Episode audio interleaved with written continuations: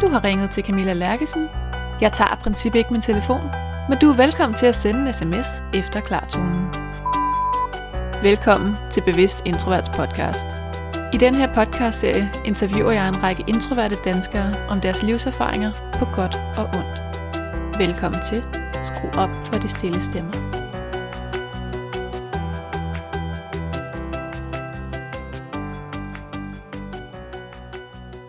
Velkommen til studiet. Tak skal du have. Du er jo ekspert i imposterfænomenet, og øh, har lige skrevet en bog sammen med Rebecca. Ja. Rebecca Knudsen. Og den udkommer i morgen. Ja, lige pludselig.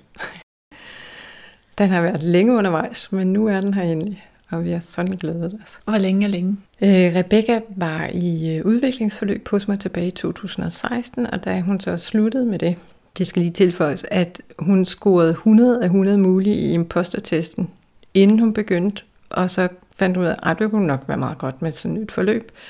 Og efter det der tre måneders forløb, så scorede hun under 40. Og, øh, og så spurgte hun sådan lidt forsigtigt bagefter, om, øh, og nu måtte jeg jo endelig sige nej, hvis det var, at jeg ikke havde lyst, men øh, om ikke jeg kunne tænke mig at skrive en bog sammen med hende. Og det jeg sagde straks ja, fordi det kan jeg jo godt lide. Jeg Ja. elsker at skrive. Øh, og så begyndte vi så småt der i 16, og troede, at nu var vi færdige om et halvt år. Og så har vi det sidste øh, år, det gik så med, at vi troede, at vi skulle have et, et bestemt udkom på et bestemt forlag. Så fandt vi ud af, at det skulle vi så ikke alligevel, fordi så skulle vi købe 365 eksemplarer og betale næsten 50.000 for det. Og så takkede vi pænt nej, og så fandt vi Mindspace med Marianne Kølle. Og det er så den, der er udkommet nu. Og så er der coronaforsinkelser og så videre, så Åh oh, ja, ja. selvfølgelig. Det tog lidt længere tid, end vi havde regnet med. Men nu er det i morgen. Ja. Og det er det selvfølgelig ikke for dem, der lytter med, fordi den udkommer nok ikke i dag. Nej. Men, øh, Den er udkommet, når det her det bliver sendt gået ud fra. ja. Men i morgen den 22. september, Ja. der udkommer den rigtigt. Ja, jeg skal læse den. Mm-hmm. Jeg kan virkelig, nu læste jeg lige den tekst, forlaget har lagt ud. Det, jamen, det er jo mig. så jeg er meget spændt på at høre om imposterfænomenet. Ja. Og så skal vi jo også, øh, du er forfatter, foredragsholder og forandringsfacilitator. Og udover at vide en masse om imposter, så ved du også en masse om at være begavet, Ja. og være særlig sensitiv, Mm. og at være introvert. Ja. Jeg tænker, vi også skal se lidt på, på nogle af de andre ting i det små, se hvordan det hænger sammen. Ja. Men jeg plejer jo gerne at spørge mine gæster, hvor de selv ligger på introvert-ekstrovert spektrummet. Ja, er i hvert fald i den her periode, de sidste 8,5 år, hvor jeg primært har været øh, selvstændig, der har jeg primært været introvert. Men jeg er også meget ekstrovert. Jeg plejer lidt kægt at sige, at jeg er introvert om formiddagen, og det er der, hvor jeg fordyber mig og skriver. Og så er jeg ekstrovert om eftermiddagen, det er der, jeg gerne tager møder og er deltager i arrangementer og er mere udadvendt. Ja. Så, og så har jeg et vindue igen om aftenen, hvor jeg har hul igennem til inspirationen og også får skrevet. ja. Har du et sted, hvor du har sådan, føler, du har et ankerpunkt? Altså hvor du sådan oftest er... Ja, jeg har jo min plads på mit øh, kontor, Ja. hvor jeg har fået indrettet mig, og der ligger sten på bordet, og der ligger ja, der er altid et krus te i nærheden og så videre. Så ja, der har jeg min ramme. ja. Det er i virkeligheden den lidt introverte Ja, side. Ja, hvis jeg vil være meget ekstrovert, så er det ud af huset. Jamen, det er meget interessant. Og du har også læst på, hedder det Jung Instituttet? Ja, det gør det. Den ligger her i København. Øhm, fem semester, og så fandt jeg ud af, at jeg skulle ikke være terapeut alligevel. Jeg skulle være forfatter. Og det, jeg laver og har lavet de sidste 8,5 år, hvor jeg arbejder med personlig udvikling. Og øh, det er imposterfænomen. Ja. Primært for de 10% bedst begavede og eller særlig sensitive. Og blandt dem er der en del introverte.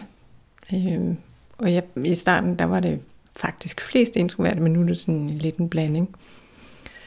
Øh, men, men der er flere introverte, der genkender sig selv i det, jeg skriver om på min blogindlæg, og så er det, de skriver til mig. Ja. Og hvorimod de ekstroverte, de genkender også noget, og så ringer de til mig. Ja. så, så det er sådan forskellen. Ja. Og hvordan er der en sammenhæng mellem de her fænomener, altså imposter og særlig sensitiv og introvert og ekstra begavet? Ja, det er der helt klart. Øhm, der, hvor jeg først så en sammenhæng, det var i forhold til de begavede, øhm, som jeg har arbejdet med siden februar 12. Øhm, I det, det var også der, hvor jeg første gang hørte om imposterfænomenet, og dengang der kaldte jeg det sig imposter syndrom, øh, fordi det hedder det på nettet, og det er der flest, der kender. Øh, men da jeg så i 2015 øh, fik Pauline Clances tilladelse til at oversætte Clans Imposter Phenomenon Scale til dansk, øh, så skulle jeg først oversætte den til dansk, og så skulle den oversættes tilbage til engelsk, og så skulle hun godkende den. Og i den forbindelse var det vigtigt for hende, at det ikke var et syndrom. Fordi selvom hun er psykolog, og det var hendes, hendes øh, kollega øh, Susan Imes, som opdagede, hun opdagede det sammen med tilbage i 70'erne, selvom hun er psykolog, så er det her ikke en diagnose. Det er ikke en sygdom, det er ikke noget, man fejler. Men omvendt så skriver hun også, når hun skriver om det, at man suffer from mm. imposter feelings eller imposter thoughts. Altså, så, så det er noget, man godt kan lide af, eller være meget hårdt ramt af. Og jeg, når jeg oversætter det, så kalder jeg det imposterfænomenet. Dels for at holde fast i det her med imposter. Øh, og, og så er lojal over for hende og kalder det øh, fænomen. Øh, og det har jeg været meget konsekvent med, men overskriften på vores nye bog er imposterkomplekset. Og det er så efter, at jeg er gået på Jung Institut, jeg har konstateret, at der er, altså, at det er en slags mindeværdskompleks, Og det giver mere mening at tænke på det som et kompleks. Okay. Så, og så kom jeg sådan lidt væk fra, ja, der er en sammenhæng til, hvis man er ekstra introvert, og der er helt klart en sammenhæng til, hvis man er ekstra begavet, at så kan man få en anden opfattelse, eller have en anden opfattelse af, hvad man kan, end det andre oplever. Introverte har en anden oplevelse af sig selv, en ekstroverte har, eller en anden opfattelse af, hvad de kan, end det andre oplever. Ja, og hvad, hvordan kan det se ud? Øhm, altså, de, de kan for eksempel være udmærket til et eller andet øh, fagligt, men det kan de ikke lige selv få øje på, fordi de oplever, at det kan være svært for dem at få sig formuleret. Mm. Og sige lige så meget som de der ekstroverte kolleger, når der er møder, for eksempel. Og så kan de sidde og putte med en eller anden viden, fordi at nu fik de ikke lige sagt noget. Og for de begavede, der handler det meget om, at de har en meget høj standard for, hvad de vil levere, og de har nogle ekstremt høje forventninger til, hvad de egentlig kan, og hvad de burde vide. Og i stedet for at sammenligne sig med nogen på deres eget niveau, øh, samme uddannelse eller øh, ancienitet, så er de tilbøjelige til at sammenligne sig med nogen, der har været der i mange år, eller har arbejdet med det her i mange år. Øh, så derfor bliver det en skæv øh, sammenligning, og de kommer til at undervurdere sig selv, og de kommer til at overvurdere andre. Og det er en af, af kernerne i det her imposterkompleks. Okay. Altså at ens selvopfattelse ikke stemmer overens med, hvordan andre oplever en. Ja, og hvad er det her imposterkompleks? Da Pauline Clance og Susan Imes opdagede det tilbage i 70'erne, der øh, konstaterede de, at det især var noget, der ramte de her øh, kvindelige studerende, som havde perfektionistiske tendenser, og som havde en oplevelse af, at næste gang de gik til eksamen, så ville de blive afsløret. Så vil øh, lærer og sensor opdage, at de kunne jo ingenting, og de vidste ingenting. Og det udløser så en form for præstationsangst øh, og eksamensskræk, øh, som man jo så kan gå til psykologen med at få at vide, jamen du skal jo ikke være bange for dit og datten. Men det havde de alligevel. Mm. Så øh, Pauline Clance og, og, og Susan Reims opdagede det, og at det var særligt udbredt blandt de kvindelige studerende, og så har man så efterfølgende konstateret, ja, men det rammer sig også selvstændige erhvervsdrivende og succesfulde forretningsfolk af begge køn. Øhm, og det jeg kan se, det er, at det især rammer dem, der ligesom er selvlærte eller autodidakte, fordi de ikke lige har den uddannelse, som flertallet har, der beskæftiger sig med det her, og så tænker de, men så er jeg jo ikke lige så dygtig, eller de mangler ligesom det der blå stempel på det. Ja. Jeg ved ikke, om det giver mening, men det, det er i hvert fald en af de måder, det kan komme til udtryk. Ja, det giver rigtig god mening, faktisk. Og der var sådan en episode med en fyr, der havde en, altså i Danmark, så vil vi sige, det var en gazelle virksomhed. De havde haft succeser, de havde udvidet forretningen og flere øh, lokationer osv. Og, og så havde han så fået sådan en pris, og øh, blev kontaktet af en journalist, som så spurgte ind til prisen. Og hvad, hvad sagde dine medarbejdere så? Der blev så lidt stille i den anden ende, fordi øh, han havde sådan set ikke fortalt det til nogen. Jamen, hvad med, hvad med din familie? Hvad siger de? Er de ikke også? Nej, de havde heller ikke fået noget at vide. Og det er så et andet aspekt i det her, det er, at, at man har ikke selv en oplevelse af, at man har succes. Og hvis man får en, en udnævnelse eller en pris eller øh, noget, så vil man helst ikke sige det til nogen, før, man, før det er et faktum. Mm. Før man står med den der pris i hænderne. Fordi man er bange for, at, at de finder ud af, at man skulle ikke have den, alligevel. Ja, det var en fejl. Ja, det var bare en fejl. Ja. Vi har, det var et forkert øh, navn i databasen. Og det var også det, Clans og Imes opdagede, øh, at der var simpelthen nogle af de studerende, som troede, at det var en fejl, at de var kommet ind på studiet. At øh, de gik simpelthen og ventede på at blive kaldt op på kontor øh, og op til rektor og få at vide, at det var da en fejl. De skulle slet ikke være på det studie alligevel. Det er også en kæmpe frygt at gå rundt med. Fuldstændig. Og det er en af grundene til, at det er så hæmmende at være ramt af imposterfænomenet. Fordi det bare fylder i ens underbevidsthed. Ja. Og også i ens bevidsthed, når man så ligesom skal ud af sin komfortzone, øh, komfortzone og skal præstere i en eller anden specifik sammenhæng, hvor man ikke føler sig sikker. Ja. Er det det samme som at være perfektionistisk, eller hvordan? Der er en del ligheder for så vidt, at man kan have nogle meget høje standarder for, hvor godt øh, man skal gøre det. Altså, at der helst ikke må være nogen fejl. Og der kan også være sådan en overdrevet fokus på fejl. Så, så hvis det går godt, så tænker man slet ikke på det, man tænker bare på den der lille ting, der gik galt. Mm. Øh, et af mine egne eksempler var øh, en af de første gange, jeg holdt foredrag om det her imposterfænomen. Og så skulle jeg have, have evalueringen. Og så hende, øh, min kontaktperson, hun, hun sagde så, da vi snakkede sammen i telefon, ja, tilbagemeldingerne var jo lidt blandet. Og så tænkte jeg bare, åh nej. Og så, for at gøre det endnu mere, så sendte hun det med B-post. så det tog bare lang tid, før det kom frem til mig.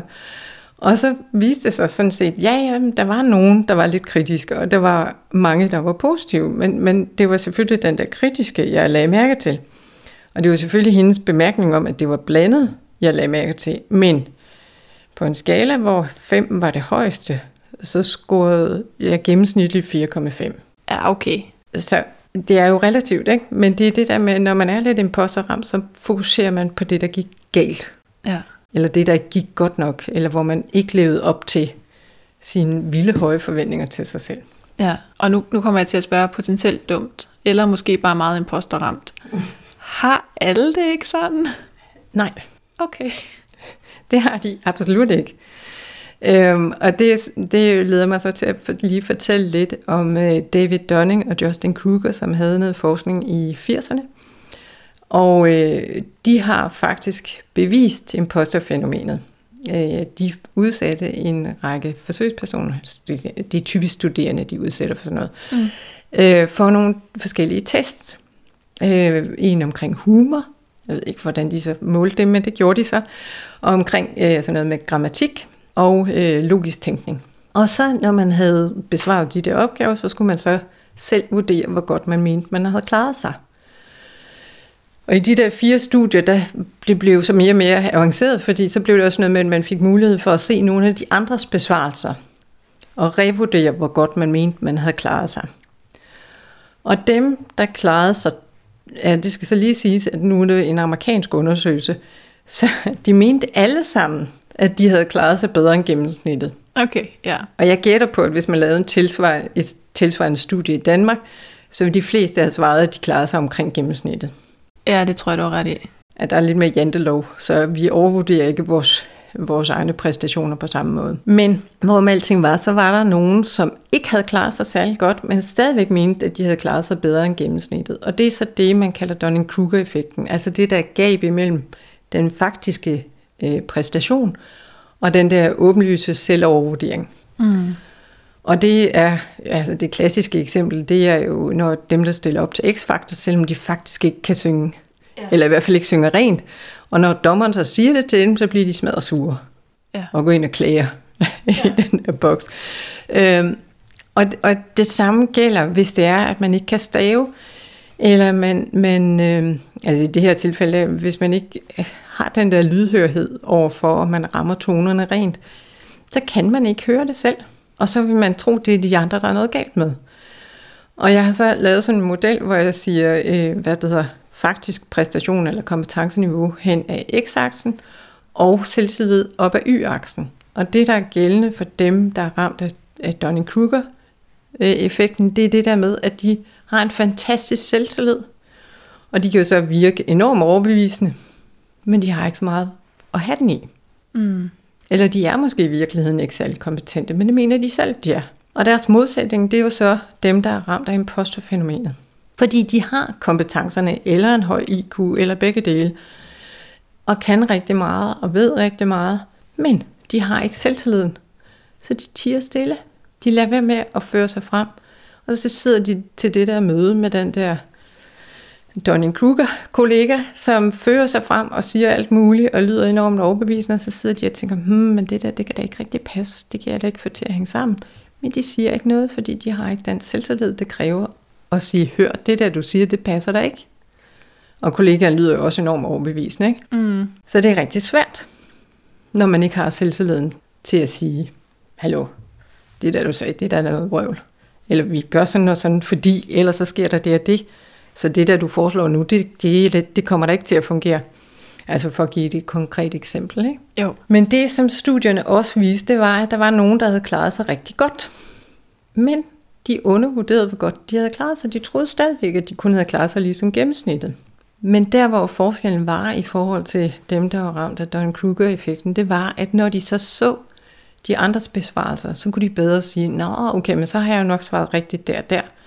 Ej, det der, det var da i hvert fald forkert hos den anden.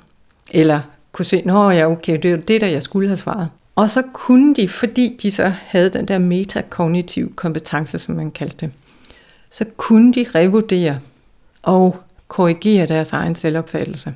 Og det er derfor, eller det er det, jeg har fokuseret på, når jeg har arbejdet med personlig udvikling for dem, der er imposterramte. Så handler det simpelthen om at gå ind og arbejde med selvtilliden. Og nej, det kan ikke lige fikses med fem tips til, så skal du bare gøre sådan her. Fordi hvis du kunne det, så havde du gjort det. Ja, så det er ikke bare et spørgsmål om at smile til sit spejlbillede og Nej. sige, du kan godt. Nej, og ja, der er rigtig mange imposterramte, der måske bliver lidt triste over at høre det her, at der ikke er noget quick fix. Men det er altså sådan, det er. Det er en del af din personlighed, det er en del af din øh, mentale makeup eller din, din selvfølelse, at du har det her imposterkompleks. Og det går ikke bare sådan over. Nej. Det kræver noget øh, bevidsthed og noget arbejde.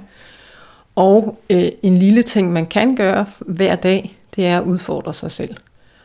Og jeg plejer at sige, tag en lille bitte udfordring. Mm. Fordi det er det, der gør, at man finder ud af, at okay, det kunne jeg faktisk godt. Det gik sådan set okay. Jeg overlevede. Ja. Men, men mange gange, så er det at præstere forbundet med noget meget angstfyldt. Eller fartruende, eller øh, altså, ubehageligt. Øh, og det er så en anden del af det her imposterkompleks, det er, at man er bange for at blive vurderet. Ja. Og evalueret af andre. Øh, fordi at man tror, at de kommer til at gennemskue, hvor lidt man kan, og hvor lidt man ved, og lige om lidt, lidt så opdager de det, og så bliver jeg fyret, eller så skal jeg slet ikke være her alligevel. Så, så det er, altså, der er så meget på spil, ja. og hver evig eneste dag. Men især når man så kommer i nogle situationer, hvor man skal være synlig, og hvor man skal præstere på en måde, som andre kommer til at vurdere. Ja, og det giver god mening, at selvstændige erhvervsdrivende bliver jo. ekstra hårdt ramt, fordi ja. der skal man jo præstere hele tiden næsten. Og der er ikke nogen til at hjælpe dig med det. Nej. Og der er ikke nogen, der siger, jamen det er rigtigt. Mm. Camilla må gerne. Hun, hun kan godt det her. Hun er god nok. Hende kan I roligt gå til. Og det er også en af grundene til, at jeg plejer at anbefale, at man får noget skriftlig feedback Ja. Vel at mærke fra nogen, man godt kan lide, som kender en, og som kan sige, at det der, det er du da super god til. Eller jeg oplever dig sådan og sådan. Eller jeg plejer at sige til folk, når de får den hjemmeopgave, at de skal have feedback, skriftlig feedback, så de kan læse det igen, mm. af 6-10 personer, de godt kan lide som kender dem fra forskellige sammenhænge. Ja. Det kan være kolleger, tidligere chefer, det kan være nogen i familien. Hvad skal man bede om feedback på? 3-5 ord i forhold til, hvordan andre opfatter en. Og når jeg siger, at det er nogen, du skal kunne lide, så er det fordi, du skal også respektere det, de siger retur. Ja. Og du skal ikke bede dem om at komme med kritik, fordi det har du ikke brug for. Nej, det kan man så rigeligt selv finde på. Okay. det er man rigtig god til. Ja. Men der kan være et billede i, eller der kan være nogle ord, der går igen, som man så kan begynde at forholde sig til og tage til sig. Og så kan man mm, på sigt få reguleret sin selvopfattelse, så den bliver lidt mere realistisk. Fordi det er i virkeligheden det, det handler om. At der ikke er overensstemmelse mellem, hvad du kan og hvad du ved, og hvordan du tror, du fremstår. Mm. Eller hvordan du tror, andre opfatter dig. ja. Jeg får sådan lidt sådan et billede af den omvendte Pippi Langstrømpe. Ja. Det har jeg aldrig prøvet før, så det kan jeg nok ikke finde ud af. Ja, det er også ret præcist. Altså, Ja. altså øh, man kan sige modsætningen, det er jo de de der Dunning-Kruger-typer, som kaster sig ud i alting. Så det har jeg aldrig prøvet, det kan jeg nok godt finde ud af, ikke? fordi de har den der selvslid. Ja, altså når jeg sådan tænker i helt stereotype øh, billeder af, jeg kan ikke lade være at tænke i introverte og ekstroverte, det er jo rigtig meget det, jeg laver. Men der kan jeg ikke lade være med at få sådan lidt øh, det der billede, at mange har om mødekultur, hvor vi tit siger, at de ekstroverte, de står og snakker om en masse, og de introverte, de siger ikke noget. Men det er sådan en anden, det her er jo en anden forklaringsmetode til, hvem der ikke siger noget, og hvem der siger en masse. Ja, Er og der, der kan, er der nogen sammenhæng? det kan der sagtens være. Og der var en forsker, der hed Lawler, som faktisk fandt ud af, at der var en sammenhæng til, at hvis man var introvert, så ville man opleve det i højere grad, end hvis man var ekstrovert. Okay. Øhm, men det hænger jo også sammen med, hvilken kultur du er i. Og øhm, der er også studier, der har vist, at det især rammer etniske minoriteter. Mm. Øh, og det kan også sagtens have at gøre med, at du er i en faggruppe, hvor du er den eneste, der har en anden uddannelse. Ja. Øh, altså i det hele taget, hvis du ikke er ligesom flertallet der, hvor du er. Og det er så en af grundene til, at det også rammer de begavede, fordi de er bare anderledes, og de tænker bare anderledes. Og de har meget tit en oplevelse helt fra, at de var børn af at være anderledes eller føle sig forkerte. Ja. Så men i forhold til introverte, så ja, der er en klar sammenhæng. Eller der kan være en sammenhæng, men det rammer lige så vel ekstroverte. Ja, ja det er heller, jeg tænker heller ikke, at ekstrovert nødvendigvis er mere ramt af at, at overvurdere sig selv. Men jeg ser bare en parallel. Ja, men, men jeg, altså der, hvor den øh, giver mening, det er mere, at ekstroverte har lettere ved at give udtryk for, hvad de tænker, Ja. hvor introverte er mere tilbøjelighed, øh, har mere tilbøjelighed til at holde det for sig selv, eller skrive det i, i en mail bagefter. Ja, Og så er der ikke ligesom nogen, der lægger mærke til det. det er jo det. Og så er det måske ikke dig, der bliver forfremmet, eller dig, der lige får den der ros eller anerkendelse. I hvert fald ikke, mens de andre er der. Ja, Og så kan man godt komme til at flyve under radaren, ikke? ja det giver rigtig god mening. Hvad kommer det af, imposterkomplekset? Åh oh, ja, altså, da Rebecca hun startede i forløb, så var hun sådan meget, ja, men jeg har jo haft en lykkelig barndom, og øh, jeg har da jo haft det fint, og, og der er ikke nødvendigvis nogen sammenhæng til det ene eller det andet. Men for lige at komme tilbage til det med det øh, sensitive, så er der en tilbøjelighed til, øh, og nu tager jeg ikke udgangspunkt i Lane Arons studier, men i det, som Jung oprindeligt skrev tilbage i 1921 i sin traumateori, at der er bare nogen, som er mere påvirkelige, modtagelige, sensitive over for indtryk, og hvor de indtryk lærer sig mere. Øh, og i den personlighedstest, jeg arbejder med, PTL, der er der to parametre, som, som slår ud, man primært slår ud på, når man er sensitiv. Den ene det er mental modstandskraft, det vil sige, at man har ikke så meget modstandskraft, eller så meget filter på som andre. Så man tager mere ind, og bliver også mere påvirket af kritik og modgang og modstand i det hele taget. Øhm, det er den ene parameter. Den anden parameter er personlig bearbejdning. Så når man har haft en dårlig oplevelse, så sidder den ligesom i systemet i længere tid. Og man, hvis man så samtidig er godt begavet, så vil man være tilbøjelig til at spekulere sig gul og blå i forhold til, jamen hvorfor sagde hun nu sådan, og hvorfor gjorde han det der? Og hvad kunne jeg have gjort for at undgå dit den, den, dun? Øh, samtidig med, at man, altså, det er sådan ligesom det, der var i fortiden, øh, som man kan bruge rigtig lang tid på at, at spekulere over. Men man kan også være enormt bekymret for, hvad skal der så ske i fremtiden, og hvad kan jeg gøre for at undgå det her ubehagelige, den her ubehagelige oplevelse en anden gang. Mm. Og så får man jo brundet bundet en hel masse mental energi, dels i fortiden og dels i fremtiden. Og så er der meget lidt tilbage til bare at være til stede lige her og nu. Og være i, i sin krop, og være i sine følelser, og mærke, hvad der sker. Fordi man er så meget op i sit hoved. Ja. Og det er så der, hvor jeg kan se en sammenhæng til de begavede og de sensitive, men også de imposterramte i forhold til, at de bruger lang tid på at tænke over, hvad andre mener om dem. Ja, det hører jeg jo også fra rigtig mange introverte, der har det her sådan tankemøller, Ja. bekymringer. Ja. Men det er så ikke nødvendigvis en introvert ting heller. Nej, det øh, altså, man kan sige, ekstroverte vil være mere tilbøjelige til at dele deres tanker Mm. og tænke højt, ikke? Og, og, og snakke med nogen om det. Ja. Og derfor vil de også hurtigere få at vide, nej, men sådan er det da ikke. Eller det skal du ikke være bekymret over, fordi sådan og sådan, ikke? Ja. Så de kan lettere børste af sig og komme videre. Mens introverte vi jo ikke får den dialog og den feedback omkring øh, den der oplevelse, de lige havde. Og så plejer jeg at anbefale, jamen, så sæt dig og skriv dagbog. Altså få det ud af systemet. Ja.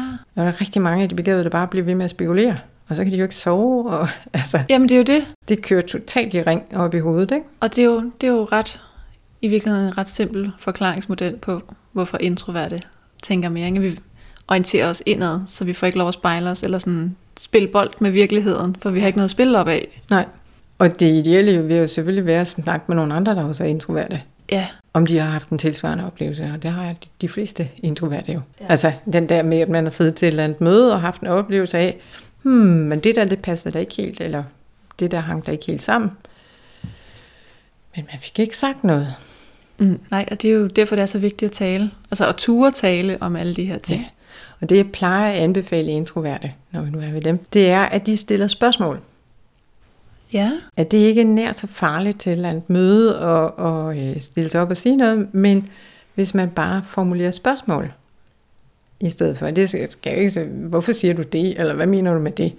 Men okay, men hvis du så siger det der, er det så fordi at, eller, Nå, så det du mener er sådan og sådan, altså hvor man reformulerer det. ja, Eller stiller et konkret spørgsmål, jamen hvordan er du kommet frem til det? Og hvis den anden så begynder at væve eller blive utydelig i, i svaret, så kan man jo stille spørgsmål mere. Okay, men, men jeg troede, det hang sådan og sådan sammen. Og så kan det jo være, at den anden siger, nå, nå, ja, okay. Men det er lidt mere harmløst at stille et spørgsmål, end det er at stille sig op og sige, jeg er ikke enig i det, du siger. ja, ja, den er meget god faktisk. Jeg plejer også at sige, hvis man skal til reception eller sådan noget andet, så forbered tre spørgsmål hjemmefra. Ja, ja, det plejer jeg også at sige.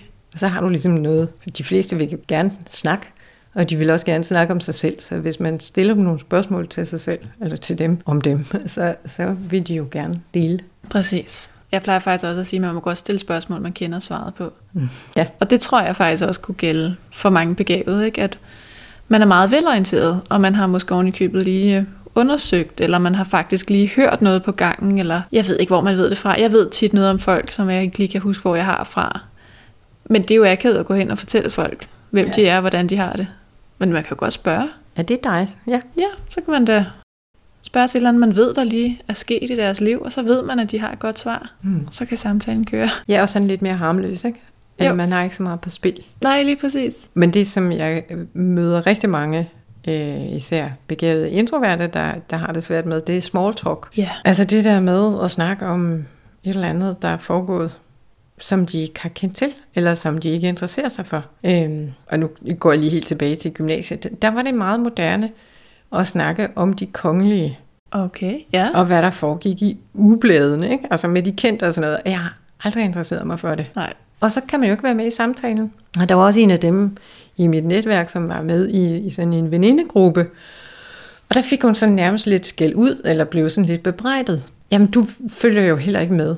Mm. Du interesserer dig jo ikke for det samme, som vi interesserer os for. Altså de andre i den der venindegruppe, ikke? Ja. Øh, og nej, hvis man ikke lige interesserer sig for reality shows, eller hvad det nu lige er, der er oppe i tiden, så kan man godt føle sig udenfor. Ja. Og så kan man godt have svært ved at holde gang i en samtale, eller være med i en samtale, når det er det, der er emnet. Så hvordan takler man small talk? Ja, du, enten så må du finde et emne, som du godt gider at snakke om. Om det så er vejret, eller et eller andet banalt. Øh, eller også så finder du øh, ud af at stille spørgsmål. Så du øh, altså, får svar på noget, du egentlig gerne vil vide. Ikke? Ja. Men øh, man kan jo også lige skimme overskrifterne i avisen inden, eller høre, høre radio og følge med, ikke? Og så kan man jo altid snakke om corona eller sådan et eller andet. Ja, noget der er oppe i tiden. Ja, det er sådan den enkle måde at forholde sig til det. Det jeg anbefaler de begavede, det er mere at finde ud af, jamen prøv lige at kigge dig omkring, hvem af dem, der er her, har du lyst til at snakke med? Og så bare lyt, og så finde ud af, hvordan kommer jeg i kontakt med den her person, som jeg synes ser interessant ud. Ja. Som sandsynligvis heller ikke siger særlig meget. Ja, garanteret. At man sidder lidt og lurer passer, det er helt okay, må man gerne. Der er så mange andre, der gerne vil sige en hel masse om nærmest ingenting. Så det er helt i orden. Ja, ja, præcis. Men, men det handler jo også om at acceptere sig selv. Og acceptere, at jeg er ikke ligesom de fleste. Og derfor er det nogle andre regler, der er okay for mig, når jeg skal være sammen med andre. Det er meget det, jeg arbejder med. Altså den, at få den der selvaccept. Kan der også være en sammenhæng med imposter, at man måske føler, at man skal leve op til nogle normer, eller Helt klart. står udenfor på en eller anden måde? Helt klart. Og det gælder jo så både de introverte og de begavede og øh, ja, mange andre, som udgør en minoritet i forhold til flertallet. Ikke? Ja. Helt klart. Ja, det kunne jeg nemlig godt forestille mig, at, at man kunne slå sig selv lidt i hovedet for ikke at passe ind. Ja. Og at det også kunne blive, ud over at præstere, at det kunne blive sådan en social præsteren. Det er det jo. Øh, og det, det er så interessant nok, at det, det rammer de introverte i forhold til, at de har en forventning til sig selv om at være ekstroverte. Ja, Men det rammer også de ekstroverte, fordi de har en forventning om, at de skal være ligesom de andre. Og hvis de nu for eksempel er mellem de 10% bedst begavede, så er de ikke ligesom alle andre. nå ja, selvfølgelig. Så, så altså, det kan jo ramme begge parter, men afhængig af, hvad, hvad det er, der er standarden, der hvor de er. Ja, Og så kan der også være noget uddannelsesmæssigt, der kan være noget socialt. Altså der kan være en arbejdsplads. Jeg snakkede med en, en sensitiv for noget tid siden, som fortalte, at han havde sådan en chef, der var lidt øh, sexistisk i sin tilgang til øh, kvindelige kolleger. Og, øh, og så sagde han sådan med, med sådan en vis selverkendelse, Nå, det synes du nok ikke er sjovt. Og så var det jo lidt svært for ham, den sensitive, at sige, nej, det synes jeg faktisk ikke. Fordi det var chefen, der selv synes han var sjov, ja, men som jo egentlig ikke var det. Og så må jeg sige nej. Fordi i hans hoved, så skal du synes, at han er sjov, fordi det synes han selv, at han er. Og det er ham, der ligesom præger kulturen. At det gør ledere jo mere, end medarbejdere gør. Men meget dominerende, øh, stærke kolleger kan jo også præge kulturen enormt meget omkring, hvad er det, vi taler om, når vi er sammen? Hvordan er vi sammen? Hvad er det, der er sjovt? Hvad er det, vi griner af? Hvordan er det, vi hygger os? Hvad må vi gerne sige? Hvad må vi ikke sige? Øh, og hvem er ligesom alfahunden eller alfahanden i den her sammenhæng, ja. som ikke skal siges imod, eller som man skal synes er sjov. Ikke? Så der er en masse sociale regler indover der også. ja, Og det er så noget af det, der især rammer de begavede, fordi øh, det, der meget tit er gældende, er, at de er asynkront udviklet. Så da de var fem år, ifølge dåbsattesten, så var de måske syv år intellektuelt. At der var de bare længere frem og interesserede sig for nogle andre ting end deres jævnaldrende. Og så kan det godt være, at følelsesmæssigt var de bagud, og der fik de otte nedsmeltninger om dagen, og øh, kunne ikke håndtere øh, og for eksempel at tabe i et eller andet spil. Øh, og så bliver de jo, så, så gider de andre ikke at lege med den mm, Øh, men det kan også være et spørgsmål om, at de simpelthen har brug for, at de synes, det er meget mere interessant at snakke med voksne. Fordi voksne kan svare på de der mange spørgsmål, de går rundt med inde i hovederne. Og så får de ikke lejet de der sociale spilregler ind. De får ikke lejet alle de der rollespil. De får ikke fundet ud af, hvordan skal jeg underordne med mig alfahanden eller alfahunden i den her gruppe. Og så bliver de akavet i de der sociale situationer som voksne. ja, okay. Så. Men nu kommer vi sådan lidt væk fra emnet. Nu men- kom vi lidt off topic. Ja, men, men- men det er det, der kan være med til at gøre, at man som begavet føler sig anderledes og forkert, og kan have svært ved small talk, og kan have svært ved at passe ind i gruppen Ja. på arbejdspladsen, eller hvor det nu er. Men selvom det var lige øh, lidt væk fra emnet, så er det jo ret interessant, at der er mange altså, nuancer og forklaringsmodeller, fordi især for dem, der lytter med her, ikke, hvor vi altid taler om introverte, så kan der være andre grunde til, at man føler sig udenfor, ikke passer ind, eller ikke kan lide small talk. Ja. Der kan ligesom være flere lag i det. Ja, ja. Og, og, og sådan er virkeligheden jo, og, og sådan er mennesker i allerhøjeste grad. Altså der er jo en ekstrem kompleksitet i den menneskelige psyke. Ja.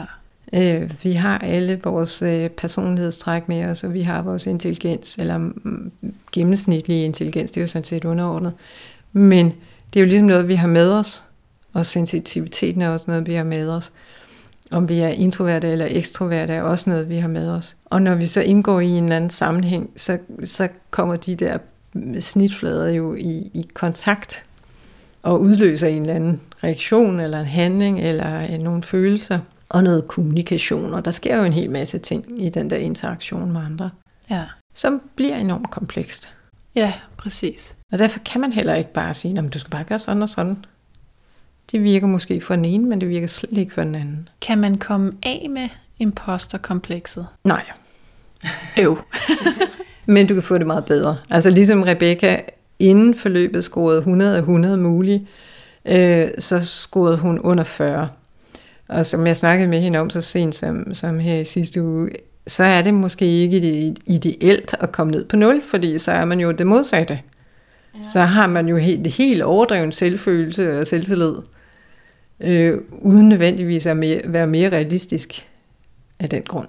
Ja. Så selvfølgelig, altså målet er vel egentlig, at du kommer ind i midten et eller andet sted, at du godt nogle gange kan have masser af selvtillid og synes, at du er fantastisk til nogle ting.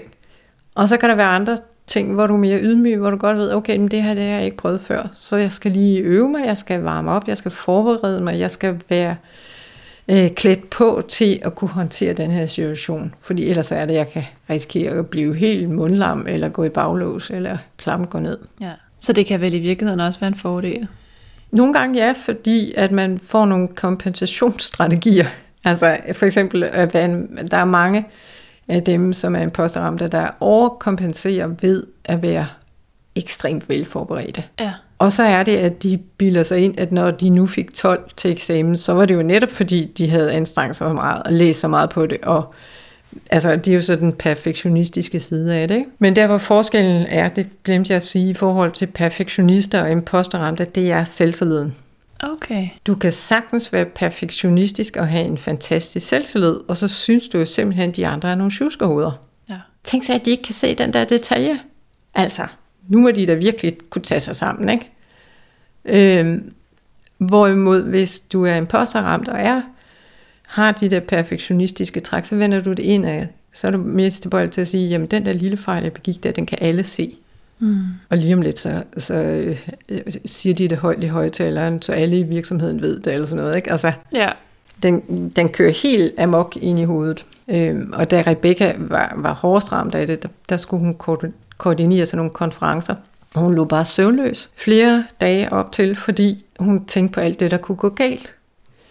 At indlægsholderne ikke kom, eller at det var helt forfærdeligt, og det gik elendigt, og øh, de ville klage over hende bagefter, og at øh, de ville komme og øh, bebrejde hende, at hun havde valgt den og den indlægsholder, fordi det var da godt nok et togehorn eller sådan noget. Ikke? Altså, ja. det der med at tænke alle de forfærdelige scenarier igennem, og have det der negative fokus, og være overbevist om, at det går galt. Det er det, der sker, når man er meget imposterramt. Okay. Og der vil man jo som perfektionist være mere tilbøjelig til bare at være overforberedt, ikke? Ja, ja, okay. Og have svært ved at gøre tingene færdige, fordi man skal lige tjekke dit, dat, dut, og dobbelttjek og trippeltjek en gang til, ikke? Ja. For at være sikker på, at man ikke laver fejl. Og hvordan med selvtillid versus selvværd i den her kontekst? Ja, der har jeg så en særlig model, øh, som jeg kalder kærlighedsstigen, og man kan også finde den øh, inde på min hjemmeside et eller andet sted. Øhm, det, det handler om, det er, at det allerbedste, et lille barn kan opleve, det er ubetinget kærlighed. At blive elsket og set og rummet og accepteret præcis som man er, uden at skulle gøre noget. Simpelthen bare fordi du er. Det er det, der giver selvværd. Det er ikke alle forældre, der er lige gode til det, skal jeg hilse at sige. Så det næstbedste, det er ubetinget kærlighed. Eller det næstbedste efter ubetinget kærlighed er betinget kærlighed. Altså hvor der ligesom er nogle, ja, men jeg elsker dig kun, hvis du gør sådan og sådan. Eller hvis du er på den og den måde. Og der er ligesom sådan en indhegning at i vores familie, der er det tilladt at være glad, og være dygtig, og være hjælpsom, og øh, gøre noget for andre. Men man må ikke øh, være selvhævdende, og man må ikke sige en hel masse, eller altså, der er ligesom nogle regler for, hvordan er vi i vores familie, når vi er sammen. Og så er der nogle øh, følelser, nogle måder at være på, som er forbudt.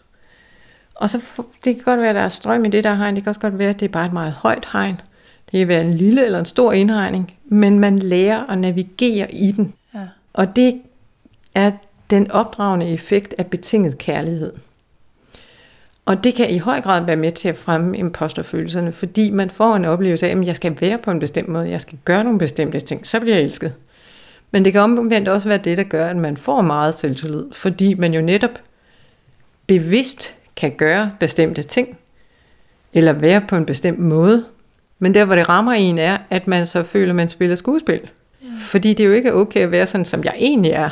Men nu har jeg lært, at jeg skal være sådan og sådan. Og så får man selvtillid, men man har lavet selvværd inde bagved. Ikke? Okay, ja. Øhm, og, og man kan sige, at imposterfænomenet tager begge dele, eller kan være begge dele. Man kan godt have en super god faglig selvtillid, og, og det er tit noget, jeg ser hos øh, karrierefolk og mænd, i, i højere grad end kvinder. Altså, at de har den der selvtillid i forhold til, hvad de kan på jobbet. Men bagved kan der sagtens være et meget lavt selvværd, fordi at de ikke føler, at de er noget værd i sig selv, mm. men kun kvæg den, det job, de har, den titel, de har, eller det, de lige kunne præstere sidste gang, de skulle præstere. Og der kan også være lav selvtillid, i, i den forstand, at de simpelthen er bange for, at næste gang går det galt. Jeg kan garanteret ikke det her. Og, og det bliver åbenlyst for alle og enhver. Ja. Så, ja. så det kan være begge dele, eller en af delene. Okay, Jamen, det giver meget god mening. Og hvorfor er det det mest af kvinder? Ved vi det? Det er lige så meget mænd.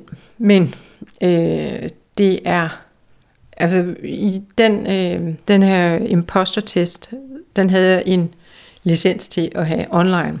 Så jeg fik en masse data ind. Og det var mest kvinder, der besvarede den. Så man, man, vi ved ikke, om det er mere af kvinder, der rammer, eller mænd bare ikke viser det.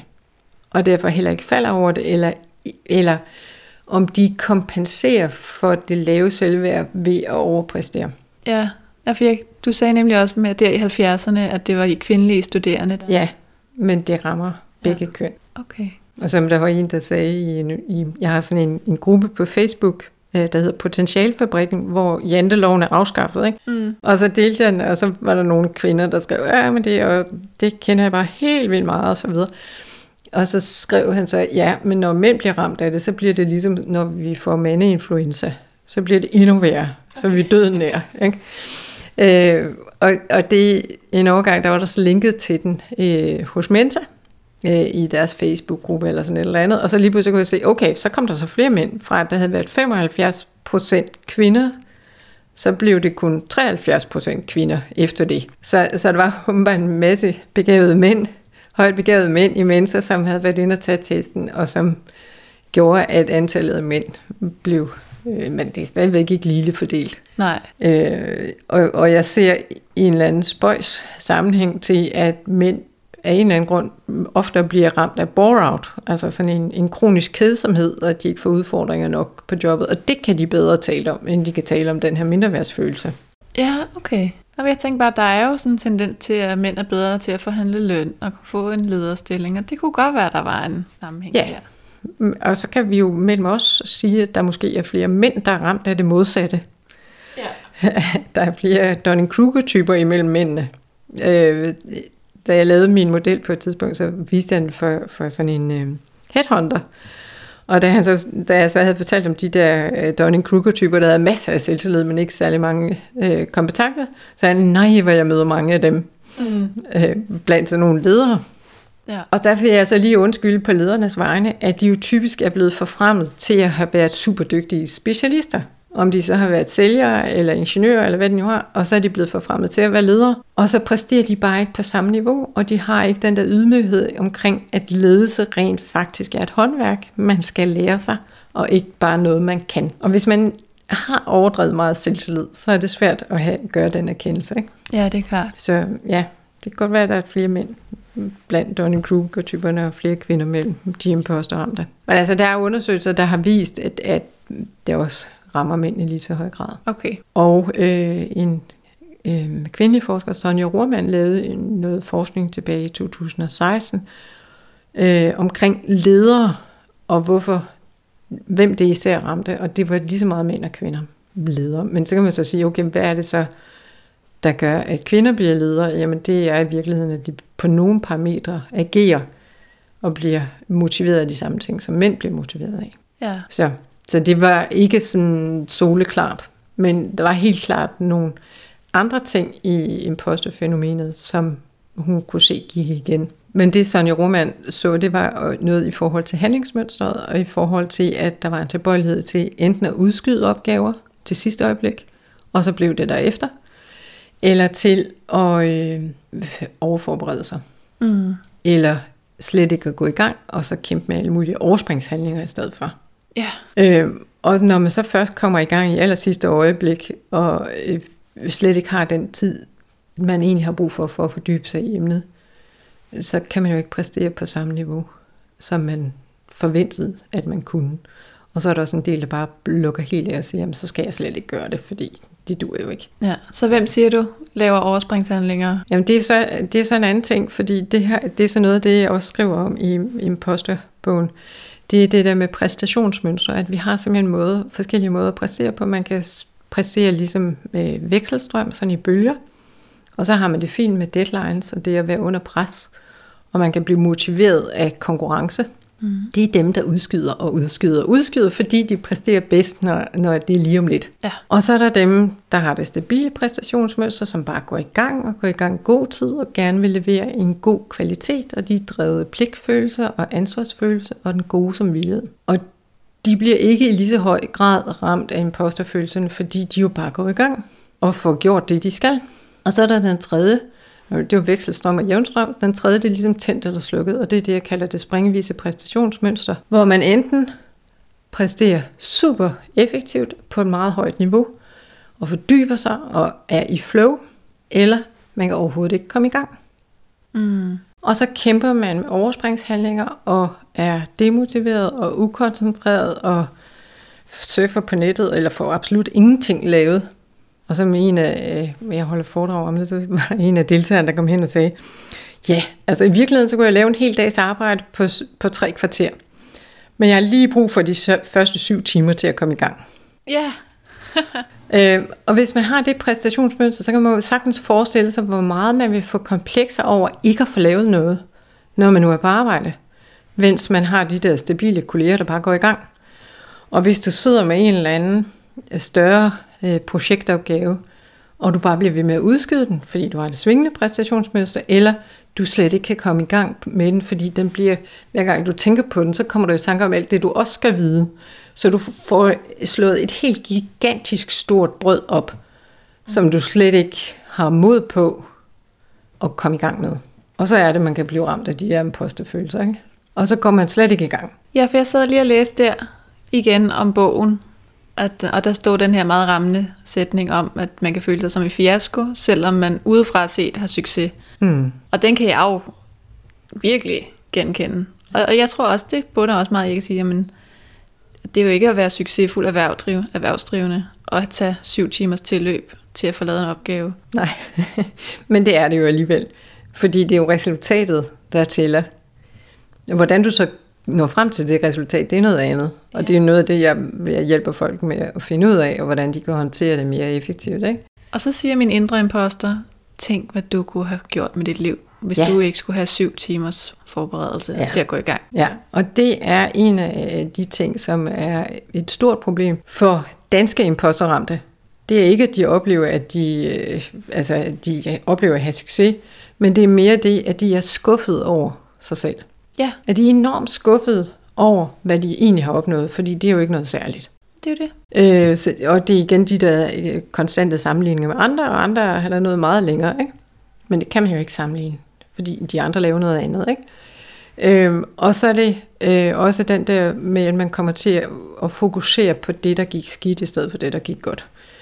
Men i forhold til det her med det springvise præstationsmønster, der er det sidste øh, udsagn i impostertesten, det er det der med, at man helst skal være nummer et, eller i hvert fald være noget særligt. Mm. Og hvis man har meget af det springvise præstationsmønster, og man ikke kommer i gang, så kan det også være lige meget. Altså det er meget den der enten eller. Enten så skal jeg være fantastisk, og det skal være storslået, det jeg laver, eller så kan det være lige meget. Ja. Så lader jeg helt være og bakker ud af det. Ikke? Ja. Og det er svært at rumme, og det er svært at håndtere på en, en arbejdsplads med et 8-4 job. Ja. Så øh, også nogle kolleger, der bare går i gang med det samme. Ikke? Jo, præcis. Jo, jo, men det kan jeg godt kende fra mig selv. Altså enten så er jeg øh, verdenskendt millionær, eller også så er jeg kasseassistent. Ja. Og det er ikke fordi, der er noget vej med at være kasseassistent. Jeg tror bare, jeg har lidt mere skab og trang. Ja, øh, og, og dem hos mig, de, øh, der kommer hos mig, de siger jo, ja, men hvis jeg ikke lykkes med det her, så bliver jeg jo hjemløs. Ja. Ja, altså, det er jo sådan enten eller, ikke? Jo. Øh, så, så de, og det gør det jo bare endnu mere belastende, at skulle overvinde sig selv til at præstere noget og gøre noget, fordi så går det jo galt. Det kan jeg, jeg kan jo slet ikke leve op til mine egne forventninger. Så må jeg hellere lade være. Får de aldrig taget den beslutning, de skulle tage, eller de får aldrig gjort det, de gerne vil, eller realiseret den der drøm, de altid har haft, fordi at de bare er bange for at tage fejl, eller lave fejl. Ja, eller ja, på en eller anden måde ikke lykkes. Ja. Fordi hvis du faktisk prøver og fejler, så er det jo først ægte sandt, Ja. at du ikke kan. Så er det rigtig slemt. Fordi her kan man bare sige, at det er jo fordi, jeg starter i morgen, så det er klart, at jeg ikke er lykkes endnu. Ja, ja lige præcis. Og det er en væsentlig del af imposterfænomenet. Det der med at udskyde det. Ja. Det var i hvert fald det, som Sonja Romans forskning viste i forhold til ledere. Sindssygt spændende emne, det her. Er der et eller andet, vi ikke har været omkring, hvor du tænker, det skal vi simpelthen Og lige det her, det kunne jeg snakke om i evigheder, men, øh, men man kan læse bogen Imposterkomplekset. Slip dit faglige mindre værd. Og den er udkommet på forlaget Mindspace, og det er Rebecca Knudsen og Anskyt her, der er forfatter til bogen. Ja. ja, vi skal ikke sidde og udlevere det hele. Man skal jo læse den. Ja, men det, det, i starten, da jeg holdt foredrag, der blev jeg også spurgt, om ikke jeg kunne fortælle, hvad folk skulle gøre. Og så brugte jeg seks slides på at give alle mulige tips og forklaringer og historier og anekdoter, og det var også fint nok. Men øh, det jeg bare konstaterede var, at det var ikke, fordi det gjorde folk mere tilfredse. Fordi det blev bare uoverskueligt. Hvad var det så lige for nogle tips, de skulle kaste sig ud i? Mm. Og jeg har fået en meget større ydmyghed omkring, at det bare ikke er så nemt at fikse. Ja. Fordi det er en del af ens psyke, og det er mere komplekst end som så. Ja. ja. Så hvis dem, der lytter med, vil have et eller andet at gå i gang med, så var der jo den der feedback-øvelse. Ja, At gå ud og få, var det fem år? 3 til 5 ord for 6 til 10 personer og på skrift. Ja. Eller give sig selv en lille bitte udfordring hver dag. Så er der noget at gå i gang med lige der. Ja. Tak fordi du var med. Selv tak.